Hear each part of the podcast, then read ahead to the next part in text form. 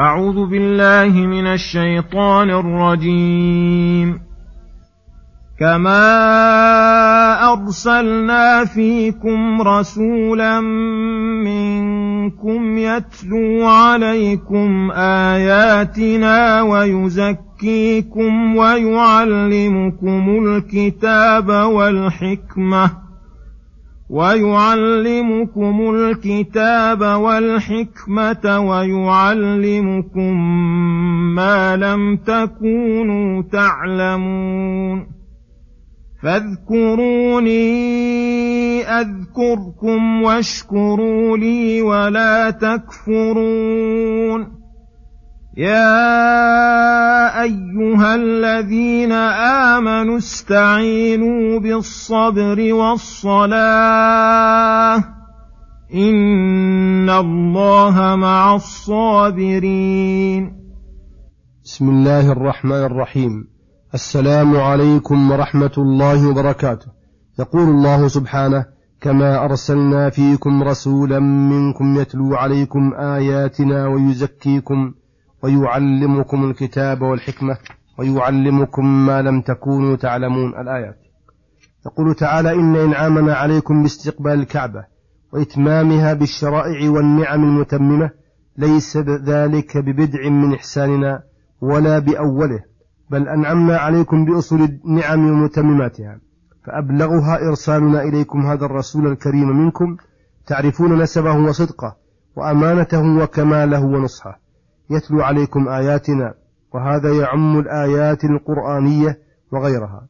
فهو يتلو عليكم الآيات المبينة للحق ومن الباطل والهدى من الضلال التي دلتكم أولا على توحيد الله وكماله ثم على صدق رسوله ووجوب الإيمان به ثم على جميع ما أخبر به من المعاد والغيوب حتى حصل لكم الهداية التامة والعلم اليقيني.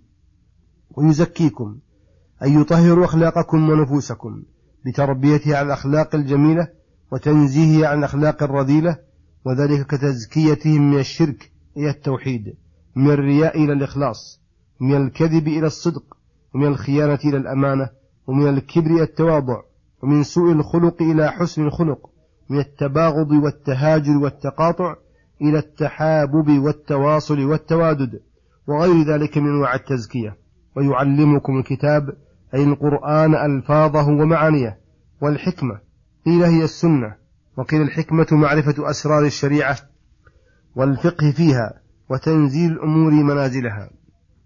فيكون على هذا تعليم السنة داخلا في تعليم الكتاب لأن السنة تبين القرآن وتفسره وتعبر عنه ويعلمكم ما لم تكونوا تعلمون لأنهم كانوا قبل بعثته في ضلال مبين لا علم ولا عمل.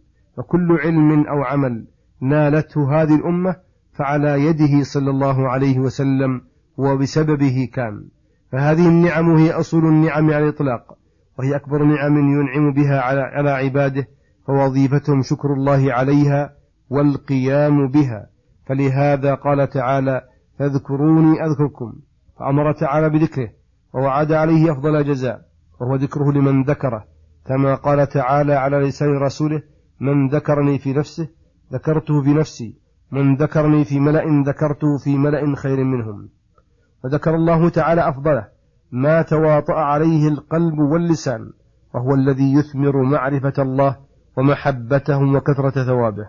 والذكر هو رأس الشكر فلهذا أمر به خصوصا ثم من بعده أمر بالشكر عموما فقال واشكروا لي أي على ما أنعمت عليكم بهذه النعم ودفعت عنكم صنوف النقم والشكر يكون بالقلب إقرارا بالنعم واعترافا وباللسان ذكرا وثناء وبالجوارح طاعة لله انقيادا لأمره واجتنابا لنهيه. فالشكر فيه بقاء النعمة الموجودة وزيادة في النعم المفقودة. قال تعالى لئن شكرتم لأزيدنكم.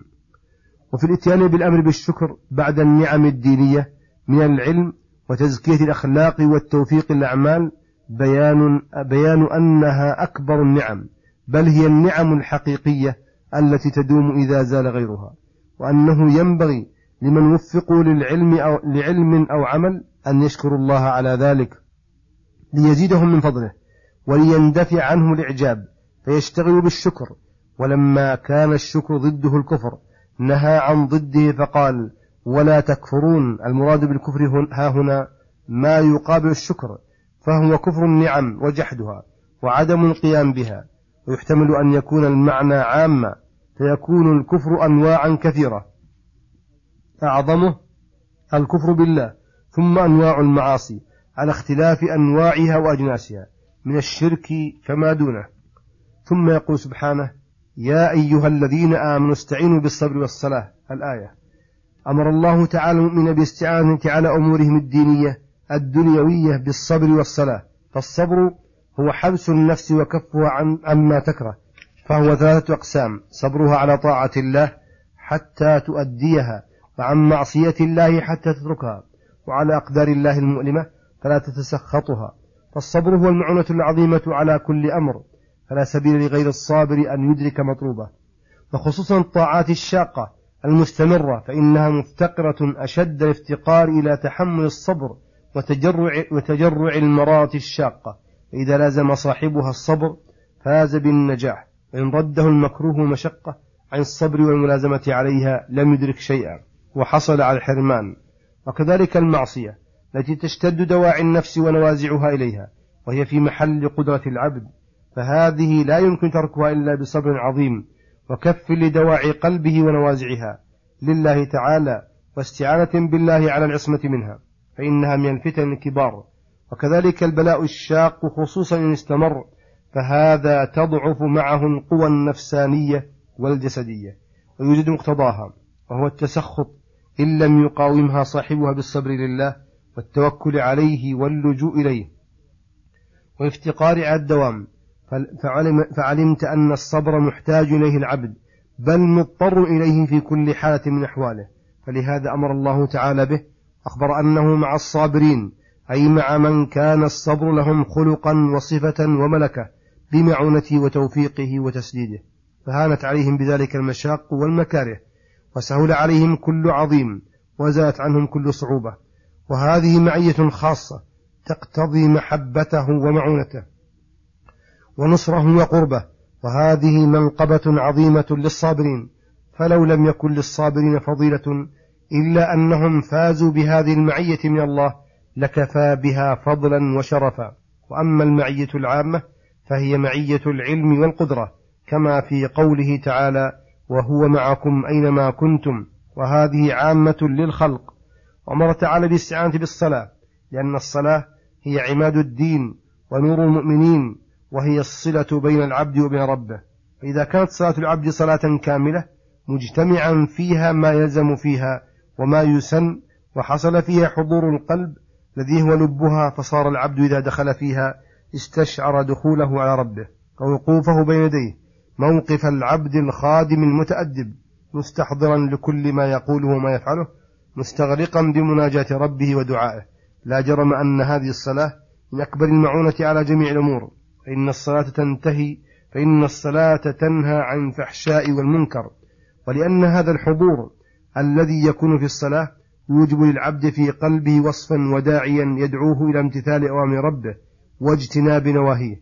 هذه هي الصلاة التي أمر الله أن نستعين بها على كل شيء وصلى الله وسلم على نبينا محمد وعلى آله وصحبه أجمعين. إلى الحلقة القادمة غدا إن شاء الله. السلام عليكم ورحمة الله وبركاته.